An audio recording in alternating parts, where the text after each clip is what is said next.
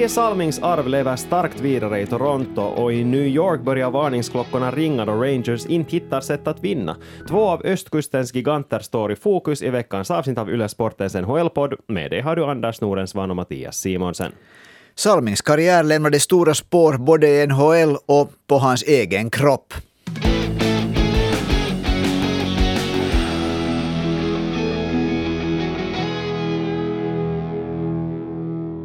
Ja, förra veckan kom budet som dessvärre var lite väntat att Börje Salming har gått bort efter att ha drabbats av ALS.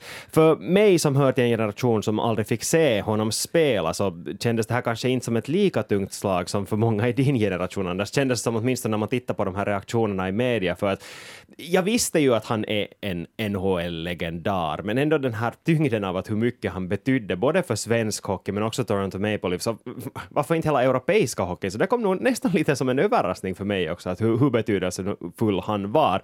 Eller hur betydelsefull var han för dig, Anders?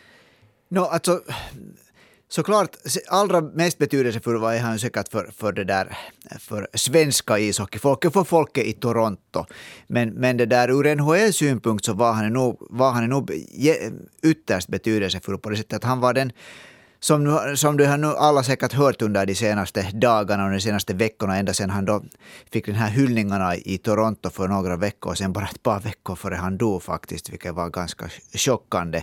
Så det att han var den här pionjären, han var den första som, som äh, blev liksom en etablerad NHL-spelare från Europa och, och gjorde det på ett sätt som, som, som det där alla bara måste tycka om i och med att, att på 70-talet var ju ishockeyn väldigt annorlunda i, i NHL än vad det, vad det är nu för tiden. Att han, han, han, var, han stod upp för sig själv. Han tog inte liksom ett steg bakåt. Han, han var inte en slagsbult, han spelade inte fult. Men han äh, ändrade inte på sin spelstil o, o, det där oberoende hur mycket Dave Schultz och de andra hamrade på honom. Att han liksom han var helt enkelt eh, tuff på det kanske bästa sättet man kan vara tuff på. Att han spelade sitt eget spel och, och lät sig inte eh, skrämmas. Mm, och det, det där du sa om att han betydde så mycket för uttryckligen svensk hockey, så det såg man ju nog just under det här tillfället som du också nämnde, när han hyllades i Toronto med då före Hall of Fame den här, vad det nu heter på svenska, induction. När man alltså tog in de här nya medlemmarna i Hall of Fame så var det flera som var på isen samtidigt som honom.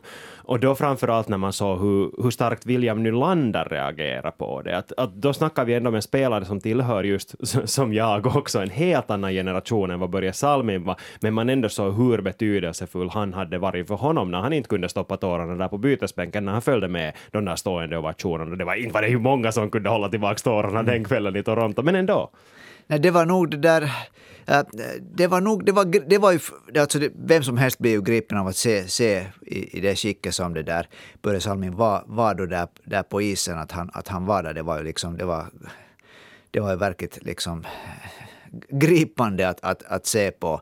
Men när du nämnde Hall of Fame så Börje Salmin var ju faktiskt han var den första europeen som kom in på, på, i Hall of Fame, blev invald i Hall of Fame och det där. Och, och och det var ju nog just, ska vi säga, uh, han blev invald i Hall of Fame för att han var en så otroligt stor spelare. om, man, om, man skulle, om man skulle lite titta på, på det där, hur han var som spelare och inte, inte bara äh, fästa sig vid allt det här, allt, liksom det här symbolvärdet som han hade. Så han det där gjorde till exempel fyra säsonger över 70 poäng i, i, och de kom alla i sträck i NHL. Han det där, en säsong gjorde han mer poäng än han spelade matcher, vilket för en back är ganska häftigt. Han är fortfarande den som leder assistligan genom tiderna i Toronto Maple Leafs. Och då behöver jag inte berätta till dig hur länge Toronto Maple Leafs har varit med i NHL. Men från början, så det är ju nog, det är ju nog uh, stort. Mm. Och så, så blev han det där, så var han två gånger två i Norris uh, omröstningen.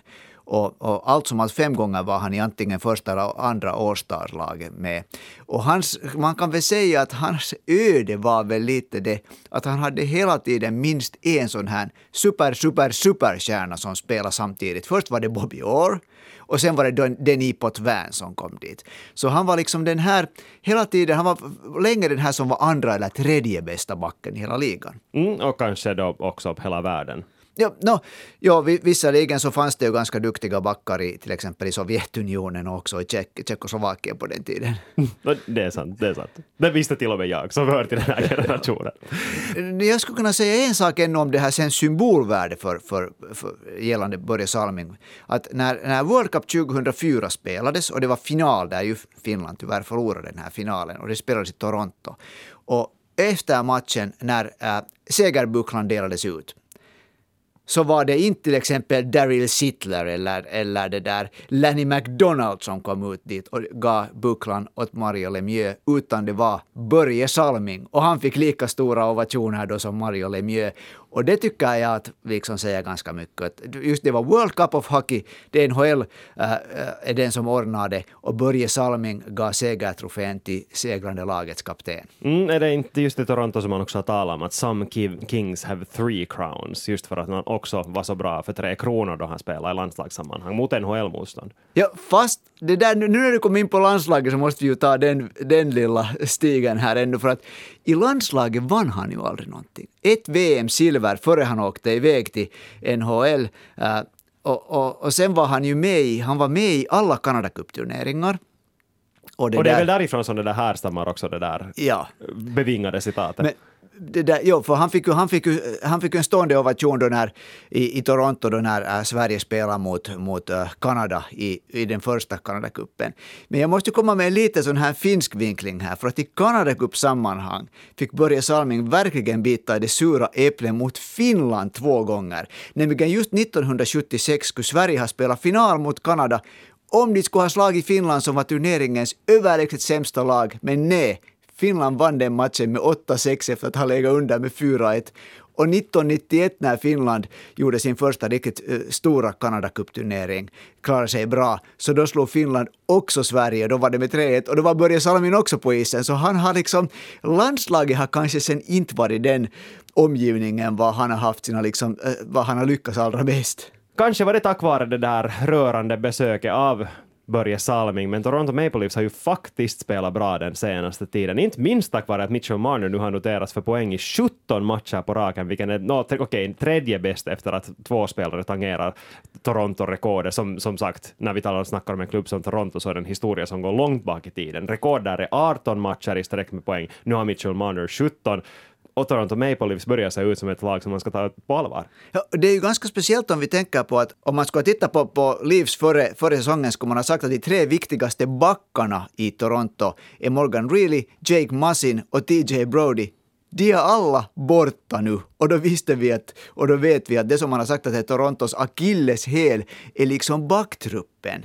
Och, och, nu går de som tåget för tillfället, vinner match efter match efter match. Och, och den äh, målvakten som, som också redan dömdes ut här i början av matchen, Matt Murray, så han ligger nu för tillfället som sjua i räddningsstatistiken i NHL med ordentligt över 92 procent. Men här vill jag komma med ett viktigt utropstecken här nu, för, och uttryckligen med en koppling till Börje Salming, för att i andra backpar just nu så hittar vi ju två svenska, vi hittar Rasmus Sandin och Timothy Liljegren, och de har ju eller ska vi säga så här, som du sa, det fanns tre backar som man kanske lyfte fram som de här stora, mäktiga backarna i Toronto, mäktiga inom väldigt stora citationstecken. Och så fanns det en Mark Giordano som alla på något sätt är före de här i rangordning. Men så har vi de här backarna som egentligen ska spela ströminuter som kommer in och gör jobbet väldigt, väldigt bra. Och det här är ju någonting som man har uppmärksammat i Toronto väldigt stort i och med jag tycker att det nu den här säsongen har blivit väldigt tydligt för Toronto media åtminstone att det där laget faktiskt kan försvara bra. Vi har snackat mycket om att till exempel Carolina Hurricanes är ett lag som kan försvara bra, göra livet lätt för sin målvakt. Colorado Avalanche är ett annat sånt också. Men Toronto Maple Leafs ska nämnas i den här diskussionen, inte minst genom att titta på Matt Murrays räddningsstatistik, för jag tycker inte att han i sig har varit så sådär bländande bra. Mm. Men sen kan vi titta på hur det till exempel har gått för Jack Campbell när han flyttade från Toronto, där han gjorde succé, till ett Edmonton Oilers som inte vet vad försvara är.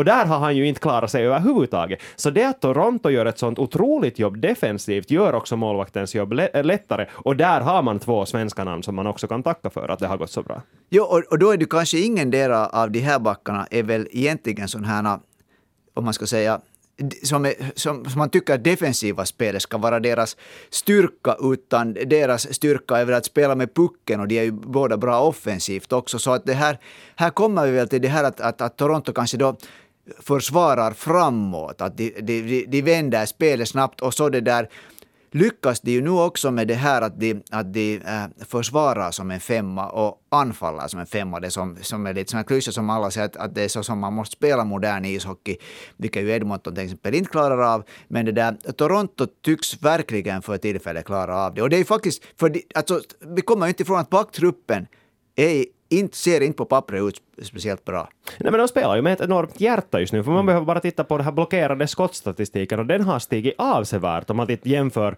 med hur mycket de blockerar i fjol i snitt med hur mycket de har blockerat i höst i snitt. Så det är ju alldeles otrolig den där skillnaden om man tittar på den. Och där kan man ju sen fråga sig att är det det att man vill göra livet lättare för målvakten eller är det det att man vet att man har en inte värst bra målvakt mellan stolparna så att spelarna vet att okej, okay, för att vi inte ska hamna under så måste vi slänga oss framför de här puckarna. No, eller är det det att, att, att det liksom för tillfället och nu är vi ju inne i grundserierna. Det grundserien ska man vara försiktigt med att lyfta livs för, för mycket, för vi vet alla att det är sen på våren som det, som det, det, som, det som räknas egentligen händer. Men det där, uh, det måste ju ha sjunkit ganska djupt in i den här, i de ledande spelarna i det här laget. Att, liksom att, att vi måste bara gå vidare. Och man går inte vidare dit med autopilot. Man kan inte liksom vinna i NHL bara med att vara skicklig och göra mål, utan det, det måste liksom funka över hela rinken. Men Toronto kan ju göra mål också. Vi nämnde Mitchell Marner, som nu gör succé tillsammans med John Tavares, inte Austin Matthews. Alltså, jag tror, tycker att egentligen det, det vände ju för Toronto. Det, det såg ju ganska dåligt ut här i ett skede. Det vände ju för Toronto, tycker jag, säg om du har annan åsikt, då när de, där de mixade om med de här två första kedjorna så att de satt William Nylander tillsammans med Austin Matthews och Mitchell Marner tillsammans med John Tavares. Eh, de kedjorna är helt de båda två är liksom första kedjor i de flesta lagen. Ja, alltså, det finns några orsaker som jag skulle kunna lyfta fram som jag tycker att är de väsentliga här. För det första är det att William Nylander spelar bra om han inte skulle spela bra så skulle han inte kunna vara i första kedjan och då skulle Mitchell Marner vara tvungen att vara där. Men också det att uppenbarligen så passar det mycket bättre för John Tavares att vara mer en sån här playmaker. Vi, vi om vi tittar historiskt på hur han spelade Tavares är så han är ju en målskytt. Och det är ganska unikt på sitt sätt att Toronto har sina två bästa centrar som är uttryckligen känns bakom målskyttar. Centrar brukar ju kanske inte vara det. Medan Tavares med Mitch Marner har blivit mer av en playmaker, spelar fram till Marner som med Tavares använder sitt skott mycket mer än vad han gjorde med Austin Matthews, där han mer kanske var den som bara skulle servera pucken åt Matthews. Ja, för att Marner är ju egentligen den som, liksom, åtminstone den här, det här liksom, den stämpeln han har som spelare, att han är den här playmakern, att han är den här som, som gör spelet. Och som du säger, så nu, nu det där, med, med Austin Matthews så var det ju väldigt mycket han som gjorde spelet och Matthews satte in puckarna. Och nu är det då två spelare som båda, som båda liksom, de, äh, båda skapar spel. Uh, Tavares är ju det där... Tavares är, är det där... Uh, för tillfället tycker jag faktiskt att han är lite en sån här light-version av Patrice Bergeron. För han spelar också bra i egna änden. Han har det där, det finns det som säger att han har ju aldrig varit en speciellt bra skridskoåkare, men i mogen ålder så har han åtminstone inte blivit alls sämre på att åka skridskor den här säsongen. Han ser lite piggare till och med ut på skridskorna. Och som lagkapten tror jag att just den här att den här inre styrkan eller den här liksom viljan att leda sitt lag, den, jag tror att, att eh, för tillfället ser det ut som det skulle vara någonting som Tavares nu är det där är liksom i balans med vad som väntas av honom, vad som krävs av honom i sin hemstad. Han har sovit i Toronto Maple Leafs lakan när han var barn.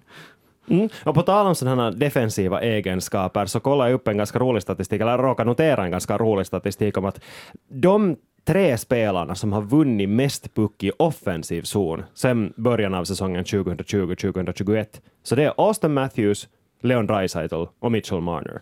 Både Matthews och Marner är otroligt bra på att vinna puck i offensiv zon Och om man spjälkar upp dem så att de båda kan göra det i två olika kedjor, så kommer det ju per automatik att skapa fler lägen. Och så är de ju inne samtidigt på powerplay. Det här har vi någon talat utanför, utanför podden tillsammans. Jag, jag har någon sagt att jag ville inte tro mina ögon när jag tittade på ett powerplay med det där med Matthews och Tavares och när det andra laget fick pucken och försökte rensa ut pucken. Så den bara inte gick ut för att antingen, antingen äh, Marner eller, eller Matthews liksom bara kom någonstans ifrån, fick klubben, klubban i, i vägen för pucken, tog ner den. De är helt fruktansvärt äh, bra på att hålla pucken inne i offensiv zon. Mm, alltså jag skulle inte bli det minsta överraskad om antingen Marner eller Matthews kommer att börja nämnas i Selke-diskussionerna också.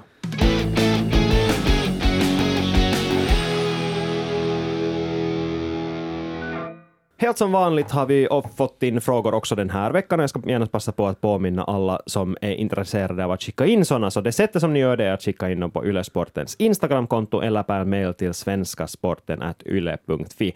Den här veckan ville både Rasmus och Noah veta vad händer egentligen med New York Rangers? Rasmus konstaterar att det ju inte ser ut som att de kommer att gå till slutspel alls på våren. Jag tror ju ännu att de kommer att fixa det och gå till slutspel, men det där, med det sagt så jo, det ser ju inte speciellt bra ut för tillfället. Och det där, det stora problemet är väl det att, att mm, det blir för mycket mål i egna änden för tillfället, vilket på något sätt tycker jag är fruktansvärt överraskande för att uh, New York Rangers om vi sa att, att, att, att, Torontos backtrupp på pappret inte ser speciellt bra ut, så New York Rangers backtrupp på pappret ser egentligen för tillfället tycker jag ganska jädrans bra ut. Den borde, det tycker jag hörde till de tio bästa i, i NHL. Men högre än så till skulle jag säga. Ja, jag vet, jag vet att det, det jag har hört, hört det där sådana som har tyckt att, att Keandre Miller är en back som kommer att vara här inom ett några år med i Norris-diskussionen. Adam Fox har en vunnit Norris. Det där. Men, men är det sen, jag undrar för att det där Till nu när de förlorar mot New Jersey Devils natten mot det att, att, att vi bandar det här så det där. Sjestjorkin är inte samma Sjestjorkin som han var förra säsongen. Nej, och du är ju inte den enda som har lagt märke till det. Det finns jättemånga i framförallt New York som har höjt på ögonbrynen och konstaterat är det här faktiskt den målvakten som vann Vesina Trophy? För han har ju varit dålig, men han vet ju det ju själv också. Efter den här New Jersey Devils-förlusten så tog han ju all skuld på sig själv. Han sa att han var pinsamt dålig. Att han, har, han är inte alls på den nivå som han vill vara just nu. Och att det har talats om att han själv upplever en press att spela på samma nivå som han gjorde förra säsongen. För eh, det var ju i mångt och mycket han som lyfte New York Rangers till den nivå som de spelar på, speciellt på våren.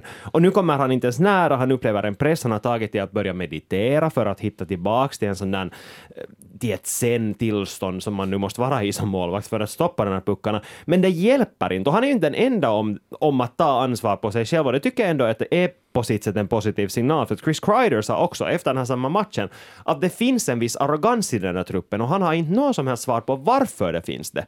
De vet vad de ska göra, de vet att de klarar av att göra det, men de gör inte de här grundsakerna. Men det här är, det är intressant för att det, där, det här är ju någonting som det där eh, vi ser på Rangers historia, de har, de har det där bara vunnit fyra Stanley Cup titlar under sin mycket, mycket långa bana i NHL. Så den här arrogansen och det här att inte leva upp till sina förutsättningar, så det är ju någonting som har följt med New York Rangers egentligen årtionde efter årtionde. Senast när de vann en titel 1994 så var det en viss herreman från Edmonton, Oilers dynasti Mark Messier, som tog det där laget på sina axlar och meddelade att vi kommer att vinna Stanley Cup och ingen liksom, alla, alla jobbar skiten ur sig för att vi ska göra det. Och det där, och det är kanske, det är kanske igen den här Manhattan liksom, de är stora, de är, de är vackra, det är liksom, det är laget från, från, från the big apple, så jag tror att den här arrogansen smyger in sig ganska lätt i den truppen. Ja, det, det finns liksom inte den där stora ledaren som Mark Messier ändå var, som du sa, som bara tog i hela laget på sin, packade dem ner i en ryggsäck och satte på ryggen och sa att hej, nu far vi, nu tar vi Stanley Cup-titeln. Det finns inte riktigt någon sån. Efter den här Devils-matchen så hade de enligt de mediauppgifter i New York ett spelarmöte dit tränarna inte fick komma med i omklädningsrummet, där de helt enkelt snackade om att hej, att nu måste vi fixa det här. Och det är ju de är inte första laget att göra det och det är ju oftast ett tecken på att någonting är riktigt, riktigt snett. Och det behöver ju absolut inte handla om att det skulle vara någon kritik mot Gerard Gallant, men ibland så behöver spelarna bara ta den här diskussionen sinsemellan. Det är inte något konstigt på det sättet. Och nu var det tydligen Jacob Truba som ledde det här mötet. Och det tycker jag att säga mest om att de här kärnspelarna inte kanske tar det där ansvaret som de skulle behöva ta. Och nu snackar jag alltså Mika Zibanejad, Chris Kreider, framförallt Artemi Panarin, som ändå fortfarande känns som den där spelaren som inte verkligen, eller verkligen inte är den där stora ledaren på isen. Fast han producerar ju poäng jättemycket och det kanske... Men inte mål. Nej, jag, jag tycker att kanske Artemi Panarin, jag tror att man inte ska vänta sig av honom att han på det sättet blir en. Han är kanske ändå lite mer den här artisten. Jacob Truba är ju kapten. Och nu kan man ju sen fråga att är han rätt kapten för New York Rangers? Uh, om man, om man frågar mig så tycker jag att Mika Zibanejad är egentligen den killen som kanske skulle, som kanske skulle kunna vara den här på något sätt kaptenen också lite med att han, är liksom, han kommer från samma land som Henrik Lundqvist. Det skulle finnas en sån här viss liksom brygga där. Och Zibanejad är ju nog en spelare som, som det där, äh, han är på det typiskt svensk ishockeyspelare att han tar väldigt allvarligt på det här att göra saker rätt på, på isen.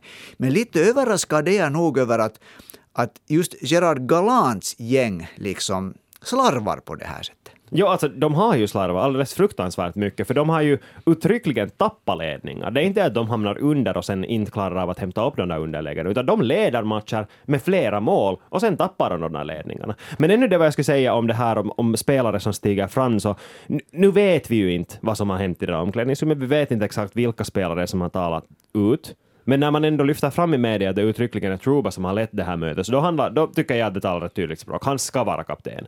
För i det där, det där utrymmet ger ju andra spelare också möjligheten att vara den som tar, ta, tar tag i det hela. Och då tycker jag att Mika Zibanejad till exempel borde göra det. Men det har han ju bevisligen då inte gjort. Eller no, okej, okay, inte bevisligen, men enligt uppgifter så har han inte gjort det. Ja, alltså, hör man Zibanejad också till den här Eh, spelartypen som på något sätt eh, tar så allvar, på allvar det vad han ska göra att det påverkar honom sen negativt. Att han, liksom, att han, att han, att han lite går ner liksom när, när, när han liksom märker att, det att, att han tycker att han borde fixa saker och så, så lyckas det inte på isen. Det, där, det som jag skulle säga att som kanske igen nu stiger fram att, att det där att visst, det var en succé för New York Rangers förra säsongen, men vi ska komma ihåg att de borde ju inte ha vunnit den där matchserien mot Carolina Hurricanes. De låg under med 3-1. Carolina Hurricanes hade det där otroliga mängder med, med det, det, var liksom skott på mål, de, de, de dominerar matcherna. Det var Sjestjorkin som tog den vidare. Och där ser vi NHL, en het målvakt och, och, och, och det där bra powerplay, bra målskytte kan föra ett lag riktigt långt.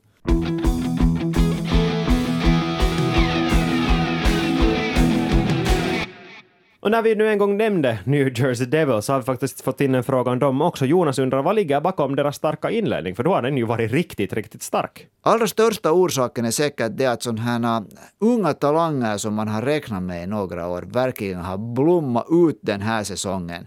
Vi har Niko Hirscher, lagkaptenen, som när du nämner äh, Selke Trophy-kandidater, så han är en av de absolut bästa tvåvägscentrarna i NHL. En spelare som dessutom levererar uppåt fruktansvärt bra. Kedjan med honom och Jesper Bratt, det, han, det, det är ju ett, ett radarpar som börjar vara hetast i hela NHL. Och sen har vi Dougie Hamilton och Nico Hischier som fungerar tillsammans, alltså backen Dougie Hamilton, otroligt bra. Det är inte många som får röra pucken av, av motståndarna när, när Hamilton och Hischier är inne samtidigt. Och så har de också en kille som heter Zach Hughes. Det, det kan, kan li, påverka lite liksom. Jo, han har verkligen levt upp liksom nu till, till det där det, förväntningarna, det måste jag säga. Han, han, Jack Hughes är, är det där lysande för tillfället. Och det är ju många andra. Sharangovic gör hela tiden mål. Uh, det, det är liksom... Alltså New Jersey Devils har ett spelsätt som är, som är helt otroligt snabbt. Det såg vi ju förra säsongen redan, att de hade de, är liksom det här berömda zone entries komma in i, i offensiv zon. Så jag, i något skede tror jag att de skapar mest av alla lag i hela NHL. Men så gick det liksom fel åt andra hållet. De fick inte puckarna och så rasslade in i egna änden. Nu går puckarna in och de rider såklart också på en sån här medvindsvåg för tillfället. Så de ligger psykiskt högt, de tror på sig själva. Men nu ska jag säga att största, stora skillnaden de här unga spelarna har ett grymt självförtroende och de har den där kapaciteten och de älskar för tillfället situationen och så har de hittat en målvakt som kan spela också. Vitek Vanecek har varit riktigt bra i Devils. Just det, och det hade de ju inte förra säsongen. De har inte haft det på flera år. Ända sedan Martin Brodeur slutade har de inte haft det. Nej, de har målvaktsspelare. Alltså, och igen kommer vi till det här att det kanske fortfarande undervärderar vi lite det här att man talar om, liksom lagen är sist och slutligen många lag egentligen ganska jämna, men sen är det den där målvakten som, som är, rider på en, på en sån här våg av att allt lyckas som tar dem liksom över den här tröskeln och de vinner de matcherna som står och väger. På tal om målvakter så har vi fått in en annan fråga som Anders tyckte var ganska intressant. Uh, Rasmus vill veta, är Alexander Georgiev en stark kandidat för Vesaina? Eller kan man ens bli en stark kandidat för Vesaina i ett lag som Colorado? Uh, var inte Filip Grobauer kandidat för, för Vesaina här för ett par säsonger sedan när han var i Colorado? Så varför inte? Och Georgiev har ju faktiskt spelat bra och det har förresten fransos också. Så för tillfället har Colorado en målvaktstandem som fungerar bra. Uh, jag tycker nog att det där, om vi tänker att nu har ju Vasilevski Vasilevski det där i ett superbra lag eh, vunnit Vesaina. Uh, eh, tycker jag att, att Georgiev, inte kan man räkna ut honom från, bort honom från den liksom, äh, diskussionen bara för att han spelar för regerande mästarna som är offensivt superstarka. Ja, men jag tror också att det finns en poäng i det där att du måste stå ut lika mycket som Vasilevski gjorde i Tampa Bay för att faktiskt vara aktuell för att vinna det. Att, att tröskeln för att bli ens nominerad till Vesaina är högre om du spelar i ett sådär bra lag som Colorado Avalanche är. Och det, det, det, det, där, det är säkert sant. Det är säkert sant att det där, men så är det ju ofta så att, att det där att, att no, de här valen är ju alltid subjektiva. Det är faktiskt general manager i gänget som väljer bästa, bästa målvakten, så det är ganska svårt, att, svårt alltid att gissa hur det går. Men ofta, ofta så, sid, så jag kan tänka mig att general managers är liksom intresserade av att ha det varit en lyckad affär, en lyckad trade. Och Georgiev är ju ett exempel på att det här har lyckats. Han, var, han fick inte den där rollen i New York Rangers, men nu när han kommer till, till Colorado så går det jättebra. Men om vi talar titlar och potentiella äh, Colorado-spelare så det där äh, vi såg i först för några veckor sedan en mycket dominerande Mikko Rantanen som var otroligt bra där. Och det sades så mycket med all orsak om Cale McCarr, om Nathan McKinnon. Men jag undrar att skulle inte man på något sätt kunna lyfta Mikko Rantanen ordentligt också in i Hart-diskussionen för tillfället? Nej. Inte? Nej, inte, det går inte. Inte i samma lag som Nathan McKinnon och Cale McCarr. Förlåt, Anders, jag förstör dina drömmar här. Men jag, jag tycker. Du får gärna argumentera för att han skulle kunna få Hart. Alltså, jag tycker att, jag tycker att man det där borde åtminstone diskutera de här olika spelarnas inverkan på hur Colorado spelar. Och jag, jag, det där, om, jag, jag tycker att Cale McCarr är den som är kanske den viktigaste på sitt sätt. För han, han, liksom, han är på något sätt den här... Det, det är så många olika grejer han gör och äh, han, lappar till sådana här luckor som behöver lappas och han stiger ofta fram och, liksom, då när det behövs. Men sen skulle jag nog säga att hur fantastisk än Nathan McKinnon är. Jag tycker att han hör till NHLs åtminstone fem bästa centerforwards. Så det där, så tycker jag att Mikko Rantanen för tillfället har en nästan, jag kan inte säga vem som har en större inverkan på hur bra det går för Colorado i, i offensivt, om det, om det är McKinnon eller Rantanen. För jag tycker Rantanen blir lite undervärderad ofta. Men, men han gör så många saker så otroligt bra att, att jag tycker att, att det där, han är åtminstone inte mer än ett halvt steg efter Nathan McKinnon. Och på tal om Rantanen så undrar Jonas om kedjan, eller ska vi säga trion med Roope Hintz, Jason Robertson och Miro Heiskanen kan bli lika bra som McKinnon, Rantanen och Makar? No, här skulle jag vilja säga det att, att, att, att då, då, har vi sett att, att McKinnon, Rantanen funkar jättebra vare sig det är Gabriel Landeskog, vare sig det är Varini Tjuskin, vare sig det är Arturi Lehkonen som tredje länk. Men när vi snackar Dallas så tycker jag att du kan inte ta bort Joe Pavelski från den här liksom, ekvationen. Pavelski Hintz, uh, äh, Robertson. Jag tror att, att de här tre tillsammans gör, de, de, liksom, de, de blir mera än, än, än det där summan av delarna i kedjan. För det, det är liksom, Pavelski kan man inte räkna ut från det. Jag håller med. Och det finns en ganska rolig statistik som jag la märke till på Twitter igår, äh, som Mike Kelly, alltså han som äh, gör, är mycket med i NHL, NHL Networks program, så hade lyft fram de tre anfallstriorna med flest mål per 20 minuter i fem mot fem, alltså inte något powerplay-mål överhuvudtaget. På pl- tredje plats, Jason Robertson, Roope Hinska, Joe Pavelski. Vem tror du att det var plats nummer två och nummer ett? I och med att, att jag, jag vet för att du det där tipsar mig om det här, så, det där, så, så vet jag vilka det är. Men det där, jag ska säga att jag skulle inte ha gissat dem, så du får berätta. Okej. Nummer två, Alexander Barkov, Carter Verhegi och Matthew Tkachuk. Och nummer ett, Elias Pettersson med sina kedjekamrater Kuzmenko och Mikhejev. Nej, jag, skulle inte, jag skulle inte ha plockat det där. Verkligen skulle jag inte ha plockat. Jag skulle ha plockat kanske Matthews kedja och, McDavids kedja. Och med det tar vi sätter punkt för det här avsnittet av Yle Sportens NHL-podd. Vi är tillbaka igen nästa vecka. Tack och hej och ha det bra.